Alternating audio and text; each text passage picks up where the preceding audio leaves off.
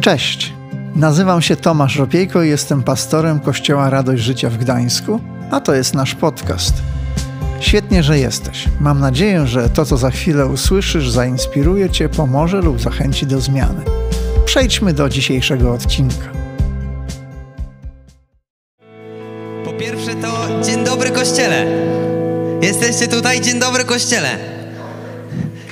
I jeszcze raz, może trochę śpimy. Dzień dobry kościele. Trochę jest. Po drugie, dzień dobry wszyscy, którzy nas oglądają. Niech usłyszą, że tu jesteśmy. Dzień dobry. Możemy zaklaskać dla ludzi na streamie, którzy są. I po trzecie, Michał Król, bardzo piękna piosenka, która tutaj rozpoczęła spotkanie, chyba debiutancka była. I po czwarte, rozpocznę od przeczytania fragmentu pisma. Mateusza 11 rozdział, wersety 28 do 30. Przyjdźcie do mnie wszyscy zapracowani i przeciążeni, ja wam zapewnię wytchnienie. Weźcie na siebie moje jarzmo, uczcie się ode mnie łagodności i pokory serca, a znajdziecie ukojiny dla swych dusz. Gdyż moje jarzmo jest wygodne, a moje brzemię lekkie. Czytamy, że u stóp Jezusa znajdziemy życie, w Jego ramionach znajdziemy odpocznienie. Każdy z nas wie, ciągle o tym się przypomina, gdyby ktoś zapomniał, że mamy od roku pandemię, bo tak się ciągle przypomina w ostatnich dniach. Więc mamy tą pandemię i jesteśmy w jakiś sposób ograniczeni. Nie możemy chodzić do restauracji, do barów i tak dalej. Możemy czuć się obciążeni życiem zawodowym, że ciągle są rzeczy online. Ja na przykład radosna wiadomość, od dwóch miesięcy jestem narzeczonym i na wakacje planuję ślub i również nie wiem, czy on odbędzie się, czy nie, więc wszystko jest tak po omacku robione i możemy czuć się tym wszystkim jak najbardziej od tych wielu miesięcy obciążeni. Ale ten werset mówi o tym, że w Jezusie mamy jarzmo lekkie. Czy ktoś się zgodzi ze mną w tym, że w Jezusie znajdziemy odpocznienie? I mamy właśnie tą serię, która jest zatytułowana Żyj. Jest zatytułowana Żyj, że jeśli nie żyjesz w tych ostatnich miesiącach, to ta seria będzie po to, żebyśmy mogli żyć. A my wierzymy w to, że prawdziwe życie jest wtedy, kiedy będziemy w Jezusie. Prawdziwe życie będzie wtedy, kiedy będziemy naśladować Jezusa i starać się Go naśladować. Więc te najbliższe parę kazań będzie poświęcone serii o uczniostwie, o naśladowaniu Jezusa. Bo wierzymy, że będąc uczniem Jezusa, wtedy prawdziwie żyjemy. Zgodzimy się z tym? Panie Boże, ja proszę Ciebie o to kazanie, żebyś Ty, Boże, mówił do nas, żebyś przemieniał nasze serca, nasze umysły, Panie, żebyśmy się stawali bardziej podobni do Ciebie, żebyśmy byli Twoim odbiciem, Panie, żebyśmy Ciebie naśladowali. Proszę Ciebie o całą serię, żeby wykonała w nas odpowiednią pracę, byśmy byli Twoimi uczniami. W imieniu Jezusa, Amen. Bardzo lubię zawsze na kazaniach, które mam, wyczytywać różne ciekawostki zawsze przygotowuję jakiś taki smaczek z fragmentu, który jest, gdzieś doczytuję w komentarzach. Także rozpocznę od wyjątkowo odkrywczej ciekawostki na dzisiaj. Nowy Testament został spisany około 2000 lat temu. To jest taka wielka ciekawostka. Oczywiście każdy to wie. można się pośmiać czy nie pośmiać, ale często ludzie czytają Biblię i zapominają o tym, że Nowy Testament był spisany 2000 lat temu. Mamy różne współczesne przekłady, które nie są nawet archaicznym językiem i czasem można pomyśleć, że to zostało spisane jakoś ostatnio. Zapominamy o tym, że to zostało spisane w odpowiedniej kulturze. Autor miał odpowiednie intencje, motywacje, pisał do ludzi, którzy odpowiednio żyli w odpowiednich czasach. To jest tak, jakbyśmy poszli na film 3D i mamy takie okulary 3D, które pomogą nam odpowiednio taki film odebrać. Więc kiedy my będziemy czytać Biblię bez takiego filtru, tego kontekstu kulturowego, to tak jakby pójść na film 3D bez okularów. A tym trzecim wymiarem jest właśnie ten cały kontekst czasu, w jaki to powstawało. Więc mamy taką, taki fragment z Ewangelii Mateusza, który zaraz przeczytamy, gdy Jezus mówi takie hasło: pójdź za mną. Przeczytajmy te kilka wersetów. Czwarty rozdział od 18 wersetu. Przechadzając się wzdłuż jeziora galilejskiego, Jezus zobaczył dwóch braci. Byli to Szymon zwany Piotr i Andrzej, jego brat. Zarzucali oni sieci, gdzie byli rybakami. Chodźcie za mną, zawołał do nich Jezus. Uczynię was rybakami ludzi. Na te słowa bez wahania pozostawili sieci i poszli za nim. Nieco dalej Jezus dostrzegł innych dwóch braci, Jakuba, syna Zebedeusza i jego brata Jana. Ci wraz ze swoim ojcem naprawiali w łodzi sieci, ich również powołał. Więc mamy hasło, chodźcie za mną i czytamy na sam koniec, że oni poszli za nim. I teraz co to oznacza? Jak mamy to rozumieć? Tak, najpierw zadam nam dwa pytania. Pierwsze pytanie, kto z was, niech podniesie rękę, powiedział kiedyś do kogoś, chcę zostać twoim uczniem? To spróbuję z drugim pytaniem. Tu może ktoś się zgłosi. Drugie pytanie, na przykład, kto z nas kiedyś powiedział do kogoś, chcę, byś był moim nauczycielem?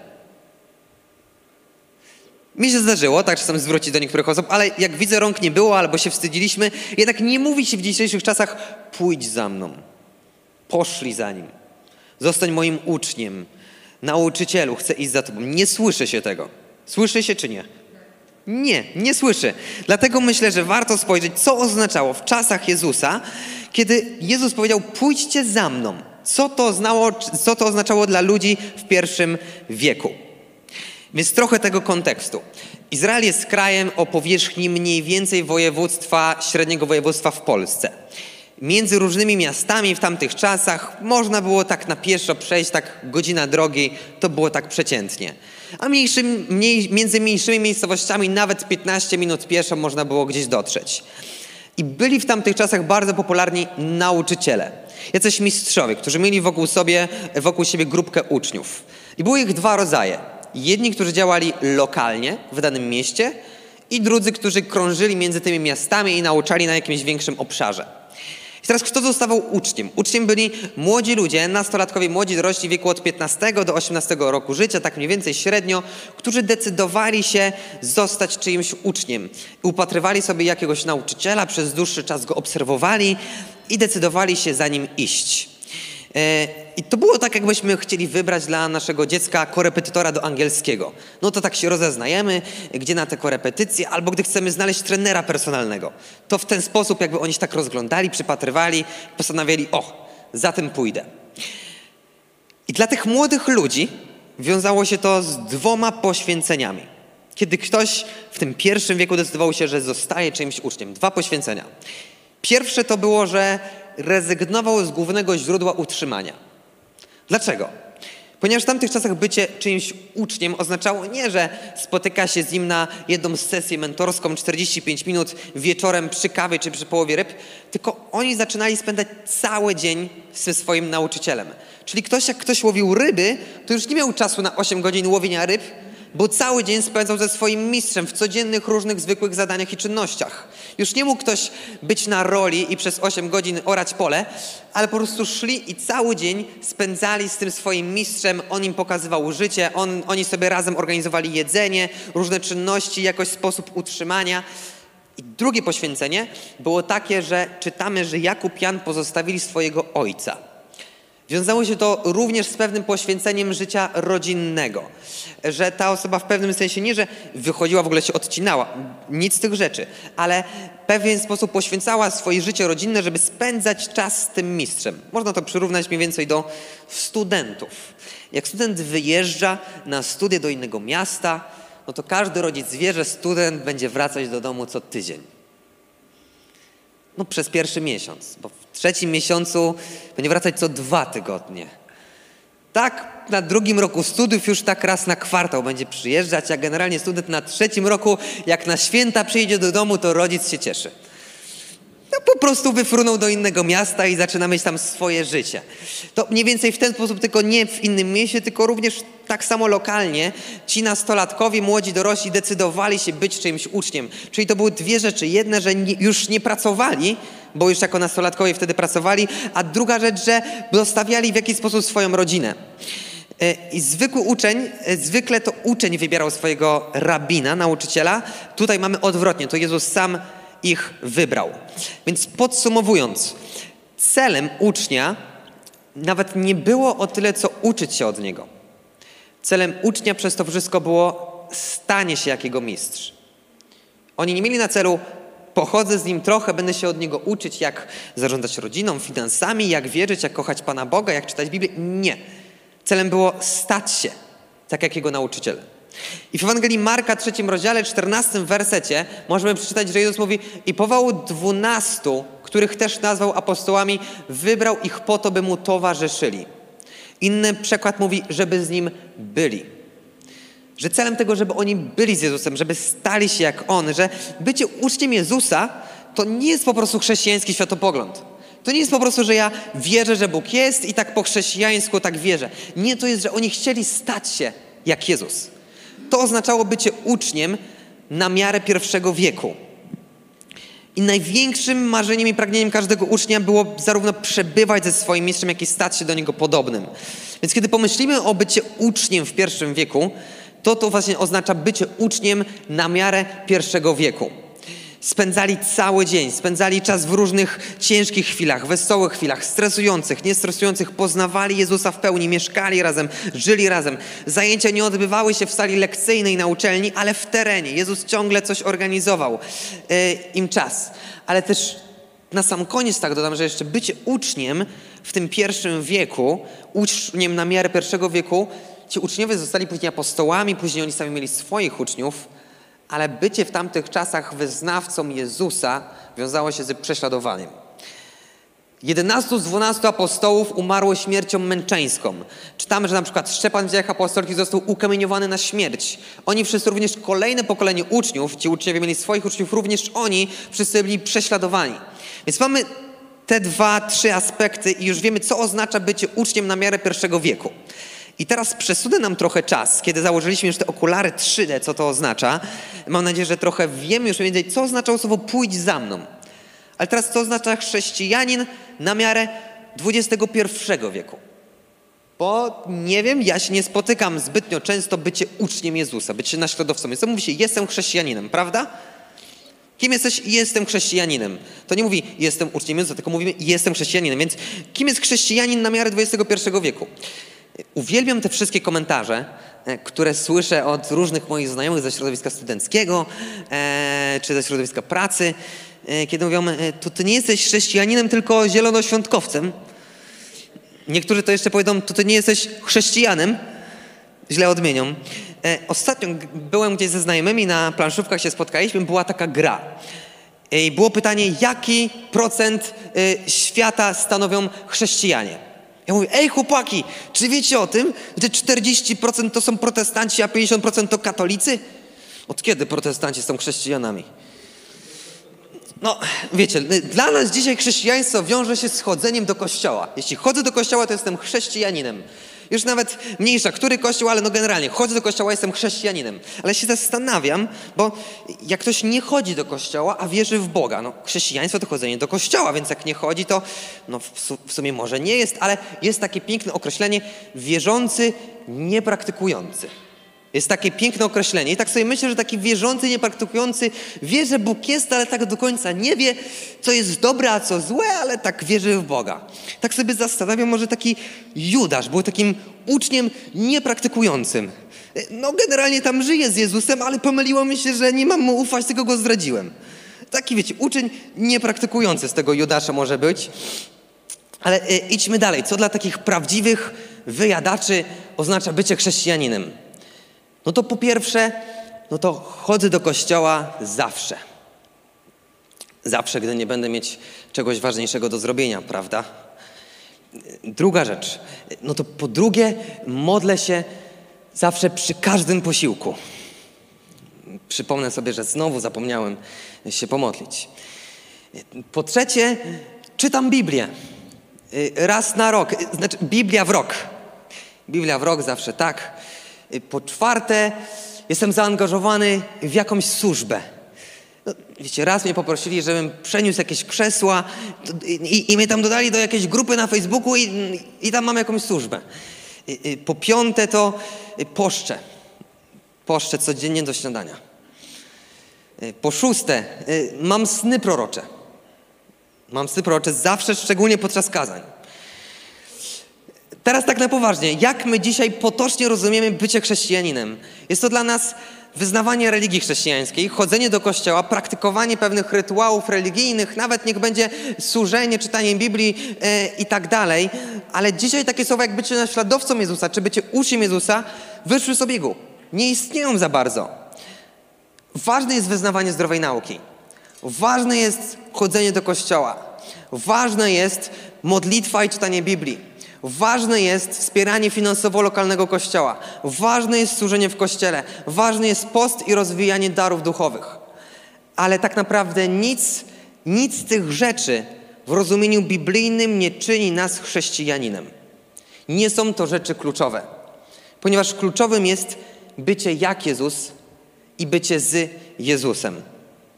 To było pragnienie tych wszystkich uczniów, że oni rozumieli, że bycie chrześcijaninem to nie jest co robię, ale jest jaki jestem tutaj. To nie jest jakie zachowania, czynności wykonuję, ale to jaki ja jestem w sercu, o tym, co ja myślę. I to oznaczało w rozumieniu biblijnym bycie chrześcijaninem. W dziejach apostolskich czytamy, że w pewnym momencie, gdy apostołowie nauczali i głosili Ewangelię, nazwano ich w pewnym momencie Chrystusowcami.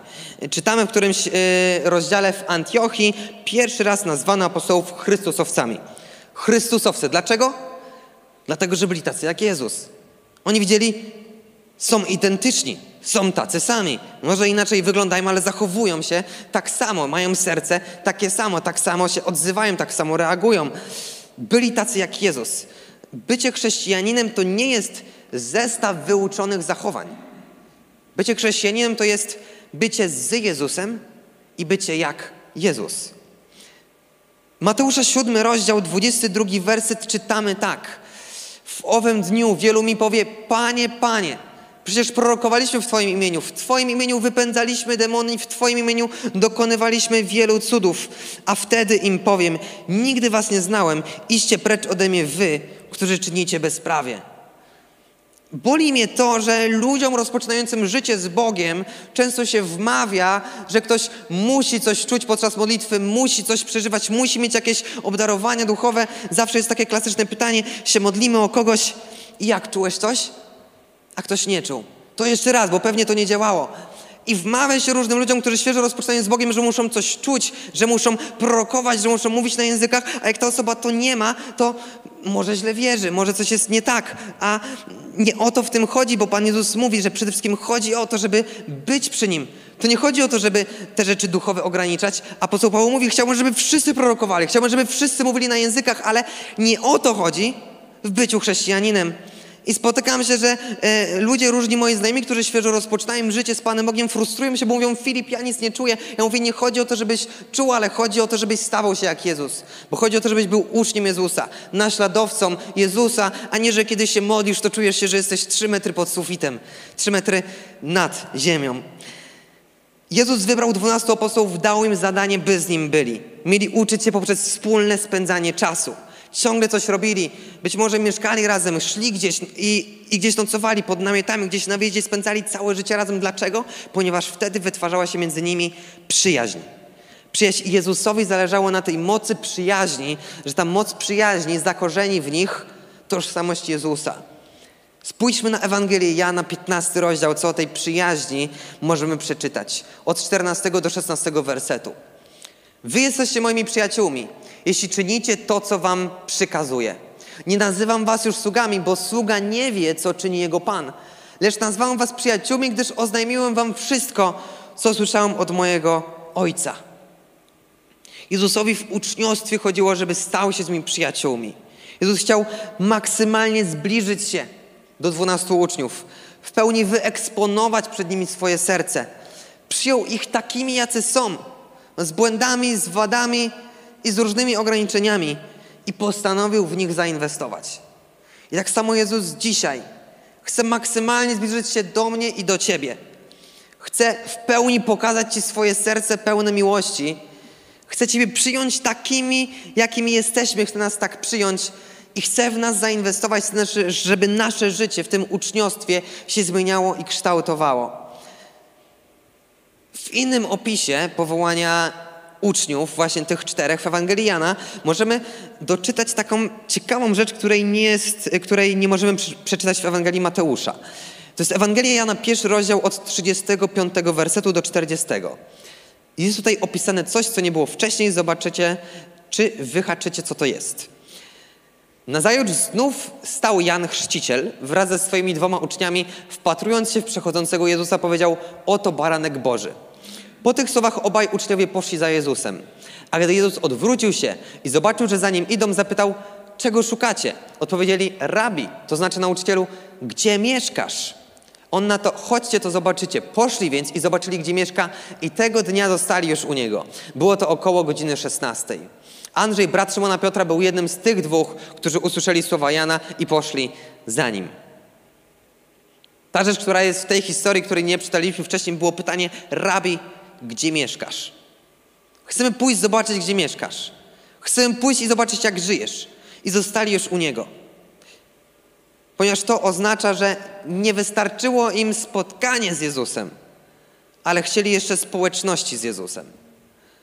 I tak samo my w uczniostwie rozumiemy, że to nie chodzi o to, żeby tylko być jak Jezus, ale jeszcze być z Jezusem, pragnąć społeczności z Nim. I potrzeba dzisiaj chrześcijan, którzy będą przesiąknięci przyciągnięci tą atmosferą Jezusa i charakteru Jezusa, po prostu z tą chęcią spędzania ciągle z Nim czasu, Jego troską o każdego zranionego, Jego troską o każdego pokrzywdzonego, porzuconego, z tym Jego sercem, oddaniem i poświęceniem. Jest jeszcze jedna taka zasadnicza różnica między uczniem na miarę pierwszego wieku, a chrześcijaninem na miarę XXI wieku. O czym też już wspomniałem, że w pierwszym wieku ten uczeń E, to był ktoś, kto był prześladowany, który był gotowy oddać swoje życie za Jezusa i tak się zdarzało. Nie tylko był gotowy, ale również umierali dla imienia Jezus. A wierzący w XXI wieku y, trzy razy się zastanawiamy czasem, czy wrzucić jakiś post na Facebooka czy na Instagrama, jakiś werset biblijny, bo co sobie znajomi pomyślą. Różnica jest taka, że uczeń w tamtym czasie był gotowy zostawić wszystko, żeby powiedzieć o imieniu Jezus, a dzisiaj jesteśmy w stanie poświęcić wszystko, żeby ludzie o naszym imieniu dobrze mówili. Wtedy ludzie zostawiali wszystko, żeby oddać coś Jezusowi, a dzisiaj ciągle chcemy wszystkiego bronić, żeby, broń Boże, nikt o nas czegoś złego nie powiedział i chcemy mieć ciągle dobry PR, dobrą opinię o sobie. I taka jest różnica między chrześcijaninem w XXI wieku, a uczniem w I wieku. Wtedy kładli na szali swoje życie, cały swój dobytek. Już nie mieli tej pracy do utrzymania, relacje z rodziną, nawet swoje życie, a dzisiaj y, czasem chodzimy do ciebie kościoła i mało kto z naszego środowiska pracy wie, że jesteśmy uczniami Jezusa. Więc mamy porównanie, y, jak w dzisiejszych czasach wygląda chrześcijaństwo, a co oznaczało w pierwszym wieku słowo pójdź za mną.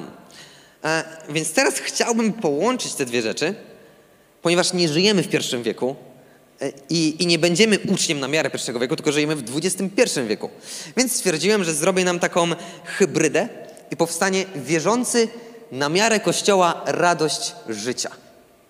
Chcecie usłyszeć? Wierzący na miarę Kościoła radość życia? Czyli mamy te okulary 3D i odpowiednio czytamy, oglądamy i to interpretujemy. Czyli co to oznacza? Że mamy porzucić swoją y, pracę, że nie mam mieć głównego źródła utrzymania, bo bycie uczniem to oznaczało. Czy to oznacza, że jako młody dorosły czy nastolatek mam zostawić swoją rodzinę i być wolontariuszem w kościele 8 godzin dziennie?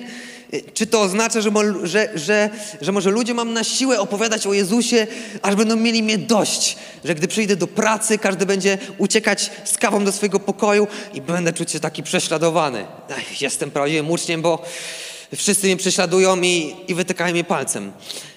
Nie, oczywiście nie o to chodzi, dlatego chcemy stworzyć teraz takiego wierzącego na miarę XXI wieku, co to oznacza.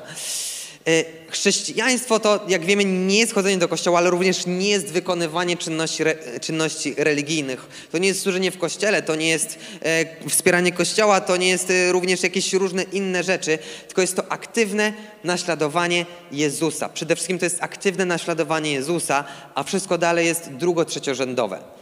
I to jest właśnie świadoma decyzja. Dlatego u nas w kościele miesiąc temu był chrzest, ponieważ podejmujemy tę decyzję w wieku świadomym i mówimy, ślubuję Jezusowi wierność do końca swoich dni. Wyznaję Jezusa jako swojego Pana i Zbawiciela, ponieważ świadomą tą decyzję podejmujemy o aktywnym naśladowaniu Jezusa. Tak samo jak uczniowie świadomie pozostawiali swoje sieci rybackie i szli Go naśladować. E, I Rozmawiałem ostatnio w tym tygodniu z moim znajomym e, niewierzący e, i zadawał mi różne pytania odnośnie Boga, odnośnie e, wiary Jezusa, opowiadał różne zdarzenia, które spowodowały, że on odszedł od kościoła, co go spotkało w rodzinie. Rozmawiałem z nim nie o kościele, tylko po prostu o Jezusie. I powiedział mi, Filip, pierwszy raz w życiu spotkałem kogoś, kto jest prawdziwym chrześcijaninem. Trochę się zaśmiałam w głowie, bo cały tydzień myślałem nad kazaniem, co oznacza bycie chrześcijaninem i bycie uczniem Jezusa, więc po prostu wszystko to przykułem w tej rozmowie. Więc to było całkiem łatwe. W każdym razie powiedział takie zdanie, że ludzie po prostu chcą widzieć ludzi, którzy naśladują Jezusa, a nie są wizytówką jakiejś społeczności. Ludzie dzisiaj potrzebują zobaczyć prawdziwych naśladowców Jezusa, którzy będą przepełnieni pasją do Jezusa, a nie, a nie agitacjami. Ludzie dzisiaj potrzebują widzieć ludzi, w których serce będzie odbijać serce, jakie ma Jezus, a nie e, mówienie ciągle o różnych e, przykazaniach, czy różnych rytuałach, czy różnych odpowiedzialnościach chrześcijańskich. W jaki sposób my możemy zbadać swoje serce? E, czy jesteśmy takim wierzącym, prawdziwym naśladowcą Jezusa Chrystusa, takim wierzącym na miarę Kościoła radość życia? Mam dla nas takie trzy sprawdziany. Mam trzy sprawdziany, w jaki sposób możemy samego siebie skonfrontować, przejrzeć w lustrze i zadać sobie pytanie, czy jestem takim wierzącym na miarę Kościoła radość życia, aktywnym naśladowcą Jezusa. Co to oznacza? Pierwszy sprawdzian to jest czas. Sprawdzian czasu. Padło pytanie, rabi, gdzie mieszkasz? Rabi, gdzie mieszkasz? Czyli nie chcemy tylko spotkać Jezusa, ale chcemy mieć z Nim społeczność. Pragnęli spędzić z Nim czas, pragnęli być blisko Niego. I Psalm 84 e, jest takie, myślę, bardzo znane zdanie, znany werset. Lepszy jeden dzień w przedsionkach Twych niż gdzie indziej tysiąc. Psalmista w tym całym psalmie opowiada, jak to jest na różnych wyprawach, jak to jest na jakiejś wojnie, jak to jest gdzieś poza świątynią, poza Jerozolimą i pragnie ponad wszystko być w Jerozolimie, być w świątyni, być przy Bogu i się modlić. Wyraża tą tęsknotę, chęć społeczności z Bogiem. Pierwsze sprawdzian to jest sprawdzian czasu. Jak bardzo pragniesz spędzać czas z Bogiem? Jak bardzo chcecie się przyjść do kościoła? Jak bardzo chcecie się pójść na małą grupę? Jak bardzo chcecie się czytać Biblię i się modlić? Jak bardzo chcecie się sięgnąć po literaturę chrześcijańską? Jak bardzo chcecie się włączyć jakieś kazanie zamiast kolejny serial na Netflixie? Jak bardzo chcecie się powiedzieć, rabi, gdzie mieszkasz? Pokaż mi, jaki jesteś. Chcę mieć z Tobą społeczność. Z modlitwą jest taki problem, że często patrzymy na nią jako jakiś obowiązek. Że jak się nie będę przez trzy dni modlić, że jak nie będę przez tydzień czytać Biblii, to wiecie, tak wszystko się sypnie, nie będę już takim, wiecie, wierzącym i no muszę czytać Biblię, bo inaczej wypadnę z formy. I jest taki obowiązek, no bo trzeba. I problem jest właśnie, kiedy modlitwa staje się obowiązkiem, bo modlitwa nie ma być obowiązkiem, ale zamysłem Boga, żeby modlitwa była odpoczynkiem. Jezus, który cały dzień spędzał na uzdrawianiu ludzi, na wykonywaniu swojej pracy, swojej misji, cały dzień, kiedy spędzał wśród ludzi, czytamy, że kolejnego dnia rano on nie, on nie szedł na odpoczynek, że w końcu siądę na kanapie i mogę mieć czas dla siebie, tylko w końcu mogę iść na górę i się modlić. I czytamy raz na początku jednej Ewangelii, po całym dniu uzdrowień rano idzie i może się modlić z Bogiem. I dla nas niech to będzie pierwszym sprawdzianem czas. Czy ja kiedy wracam z pracy, czy myślę o tym, Boże, chcę z Tobą spędzić czas. Boże, chcę się modlić. Boże, chcę społeczności z Tobą, bo bycie aktywnym naśladowcą Jezusa to jest sprawdzian czasu, na ile chcę z tym Jezusem być. A drugi sprawdzian, drugi sprawdzian to jest sprawdzian charakteru. Czytamy Mateusza 16, rozdział 24, werset. Następnie Jezus zwrócił się do swoich uczniów. Jeśli kto chce pójść za mną, niech się wyrzeknie samego siebie. Weźmie swój krzyż i naśladuje mnie. Jezus mówi, kto chce iść za mną, niech zaprze się samego siebie. Sprawdzian charakteru na ile Twoja osobowość z upływem czasu, miesięcy, lat ewoluuje pod wpływem Boga i Biblii. Na ile Twój charakter się zmienia i przybliża do tego, żeby być takim jak Jezus. Czy Twoją pierwszą reakcją jest gniew, czy zrozumienie? Czy zawsze widzisz winy u innych ludzi? Czy dostrzegasz winy po swojej stronie? Czy pochopnie oceniasz, czy ochoczo doceniasz? Czy patrzysz z zazdrością, czy z miłością? Jak łatwo puszczają ci nerwy? Jak łatwo wyprowadzić cię z równowagi? Ile jest w Twoich słowach zachęty i dobra, a ile barwy negatywnej? Sprawdzian charakteru. bycie aktywnym naśladowcą Jezusa. Czy ludzie Go w Tobie widzą? Bo Jezus powiedział, wy jesteście solą ziemi. Sól, czyli coś, co przyprawia, coś, co czyni lepszym, coś, co daje smak. W swoim otoczeniu dajesz smak, czy go pogarszasz? Poprawiasz atmosferę, czy ją psujesz? Piotr. Piotr był początkowo tchórzem. Był początkowo tchórzem, zaparł się trzykrotnie Jezusa. Mimo tego, że On mu to zapowiedział, to i tak go to nie skonfrontował i tak go zapowiedział. Można powiedzieć, to była jego klapa w tym aspekcie.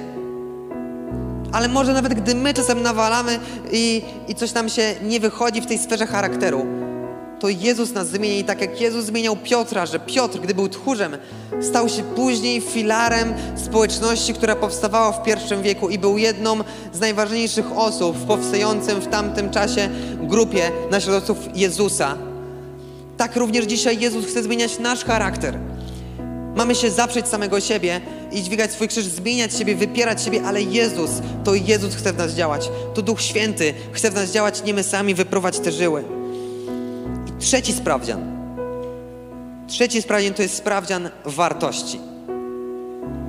Ewangelia Jana 14, rozdział 15, werset. Jezus powiedział w Ewangelii Jana 14, rozdziale 15, wersecie Jeśli darzycie mnie miłością, będziecie wypełniać moje przykazania. Kto mi miłuje, przykazań moich przestrzegać będzie. Trzecim sprawdzianem są wartości, czyli jak wygląda Twoja moralność. Jak wygląda Twoje podejście do prawdomówności, szczerości, a mówienia półprawd, koloryzowania, bo oczywiście nikt nigdy nie kłamie, tylko zawsze trochę podkoloryzujemy. Jakie masz podejście do uczciwości? Gdy nie jesteś w małżeństwie, jak wygląda Twoje życie seksualne, ale również gdy jesteś w małżeństwie, jak wygląda Twoje życie seksualne. Jakie masz podejście do używek, do alkoholu? Kiedy masz do podjęcia decyzję, jakieś istotne odnośnie Twojej kariery, życia zawodowego, przyjaciół, rodziny, samego siebie, jak bardzo one są oparte w wartościach Bożego Królestwa. Na ile podejmujesz je, gdzie wyznacznikiem jest dla Ciebie to, co czytasz w Biblii, a na ile kultura panująca wokół nas. Sprawdzian wartości.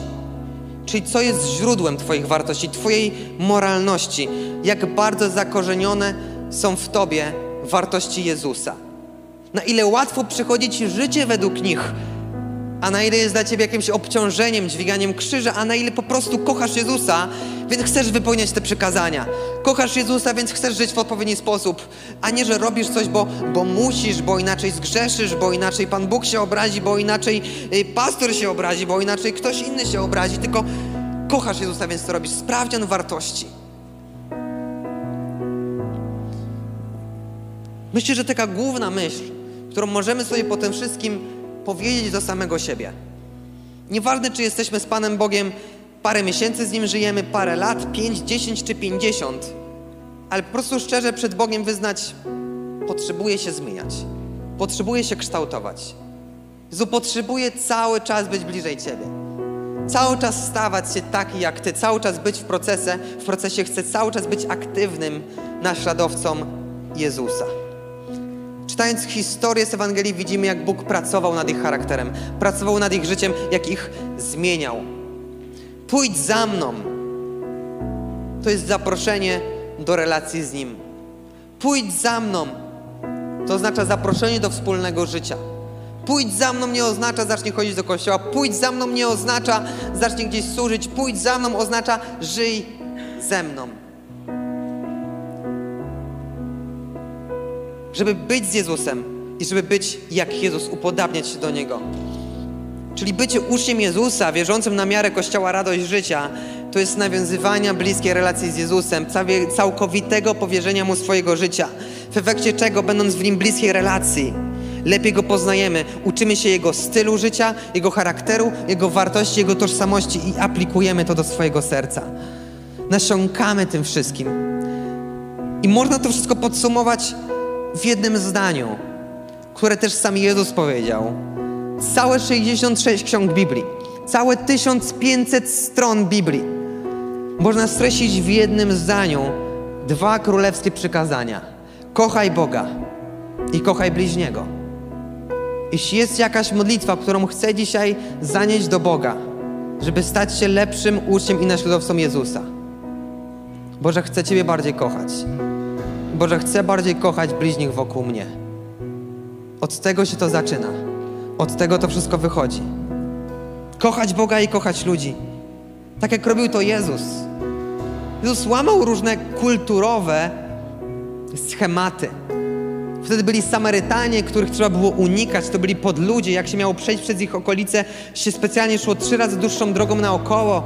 Byli celnicy, którzy byli konspirantami i się ich odrzucało, nikt z nimi nie spędzał czasu. Również różni grzesznicy czy, czy yy, osoby chore, to byli też podwarstwa społeczna. Jezus wychodził do każdego, kto był odrzucony społecznie, każdego, kto nie pasował kulturowo, każdego, kto odstawał od pewnych norm kulturowych, które były. I wierzę w to, że gdyby Jezus dzisiaj był, jak ludzie walczą o różne, różne grupy, różne warstwy y, ludzi, y, ludzie, którzy są różni, Jezus by był tym, myślę, który by wyciągał do nich rękę. Nie tym, który by klepał po głowie, ale tym, który by okazał im swoją miłość. Jezus był tym, który by wychodził poza pewien schemat kulturowy, który mamy, wychodził do tych ludzi, bo takie jest jego serce, że pochylał się nad każdym odrzuconym, żeby okazać mu miłość, żeby on to odrzucenie, które słyszy od wielu ludzi wokół, mógł od Jezusa usłyszeć, że on go kocha. Nie poklepanie, żyj jak chcesz, ale ja Ciebie kocham i chcę Ci pokazać lepsze życie. Wierzę, że to jest serce Jezusa i to jest serce również ucznia Jezusa. I potrzebujemy dzisiaj chrześcijan, którzy nie będą jak wielkanocne wydmuszki, które na zewnątrz wyglądają pięknie, ale w środku są puste bez życia, albo w środku puste bez miłości. Ale potrzebujemy chrześcijan, którzy będą aktywnymi naśladowcami Jezusa w miłości, w czynie, w działaniu, w sercu, w modlitwie. Potrzebujemy aktywnych naśladowców Jezusa, ponieważ to jest prawdziwe życie. Amen. Prawdziwe życie to jest życie z Jezusem. Życie jako uczeń i naśladowca tego, który stworzył cały świat, tego, który dał nam życie, tego, który wie, co jest dla nas najlepsze, tego, który stworzył marzenia i pragnienia i wie, co jest dla nas przepisane, i życie z Nim, życie według Jego woli. Jest, jest spełnieniem planu, który został zapisany dla każdego z nas, który Bóg przygotował. Czy jest na sali jakiś Krzysztof? Może online nas ogląda jakiś Krzysztof? Co oznacza imię Krzysztof z języka greckiego? Imię Krzysztof oznacza noszących Chrystusa. Noszący Chrystusa. Potrzebujemy więcej Krzysztofów. Więcej ludzi noszących Chrystusa. Odbijających Jego serce. Zaproszenie pójdź za mną jest cały czas aktualne. Jezus kieruje to pytanie do każdego z nas, żebyśmy byli Krzysztofami, żebyśmy nosili Chrystusa. Sprawdzian czasu sprawdzian charakteru i sprawdzian wartości. Czy jesteś wierzącym na miarę, jak to nazwałem, Kościoła, radość życia? Chciałbym, żebyśmy powstali, będziemy się modlić. Ci z Was, którzy jesteście przed ekranami, zachęcam również Was, żebyście mogli teraz wstać ze swoich krzeseł, razem z nami teraz się pomodlić. Jeśli chcesz stać się dzisiaj lepszym uczniem Jezusa, ja wiem, że bardzo tego potrzebuję. Ja wiem, że to kazanie dzisiaj jest do mnie. Chcę być lepszym uczniem i naśladowcą Jezusa. To jest prosta modlitwa. Kochaj Boga i kochaj ludzi. Boże, chcę Ciebie bardziej kochać. Boże, chcę bardziej kochać swoich bliźnich. Przed ekranami również tutaj zacznijmy się modlić. Boże, chcemy więcej Ciebie. Chcemy bardziej odbijać Twoje światło. Chcemy być bardziej zakorzenieni w Tobie, w Twoim imieniu, w Twoim charakterze, w Twojej tożsamości. Nie chcemy być wydmuszkami, ale chcemy nosić Chrystusa. Boże, proszę Cię, żebyśmy pragnęli społeczności z Tobą, żebyśmy się pytali, Rabi, gdzie mieszkasz? Żebyśmy, Panie, zapierali się samych siebie i kształtowali swój charakter, żebyś Ty nas kształtował. Boże, i żebyśmy miłowali Ciebie i z tej miłości wypływała miłość do Twoich przykazań, żebyśmy żyli tak, jak Ty żyłeś. Prosimy Ciebie o to. Jeśli jesteś dzisiaj na tym miejscu albo przed ekranem i nie poszedłeś nigdy za Jezusem, nie powiedziałeś nigdy Jezu, idę za Tobą, tak jak zrobili to Ci apostołowie. Nie powiedziałeś nigdy Boże, świadomie podejmuję decyzję, bo chrześcijaństwo to jest świadoma decyzja, a nie wychowany od dzieciństwa styl życia. Jeśli jesteś taką osobą, możesz dać mi znać ręką, albo jeśli jesteś przed ekranem, to będę mówić to do Ciebie że będę chciał się z Tobą pomodlić. Czy oglądasz to dzisiaj, czy oglądasz tego streama sprzed pół roku, sprzed pięciu lat, z przeszłości. Wierzę, że Jezusa zaproszenie jest cały czas aktualne do tego, żebyś poszedł za Nim. Jezus przyszedł na świat i oddał swoje życie po to, żebyśmy mogli mieć z Nim relacje. Po to, żebyśmy mogli mieć z Nim przyjaźń. Po to, żebyśmy mogli być blisko Niego. Żebyśmy my nie musieli samych siebie zmuszać, tak w jakiś sposób wypruwać żyły, ale to Jezus chce zrobić w nas tę przemianę. Jezus chce każdego z nas zaprosić do życia. Jeśli jesteś taką osobą na tej sali, to powtarzaj za mną słowa modlitwa, a jeśli jesteś przed ekranem, powtarzaj za mną słowa te modlitwy. Żeby to była Twoja decyzja, pójścia za Jezusem. Panie Jezu, chcę zacząć żyć z Tobą. Chcę zostać Twoim uczniem. Dlatego dzisiaj decyduję, że idę za Tobą. Oddaję Tobie swój czas. Oddaję Tobie swój charakter. Oddaję Tobie moje wartości. Przemieniaj mnie. Kształtuj mnie. Od teraz należę do Ciebie. Jezu, jesteś moim Panem. W imieniu Jezusa. Amen. Bądźmy naśladowcami Jezusa. Niech nasz Kościół będzie pełen Krzysztofów, pełen chrześcijan pełnych życia, pełnych miłości, aktywnego naśladowania w codzienności, w naszym życiu. Takimi bądźmy Jezusa szukajmy. Amen. Dzięki, że zostałeś z nami do końca. Pamiętaj, że odcinki pojawiają się w każdy poniedziałek o 18. Jeśli chcesz dowiedzieć się o nas więcej, to wejdź na stronę kazetgdańsk.org. Do usłyszenia.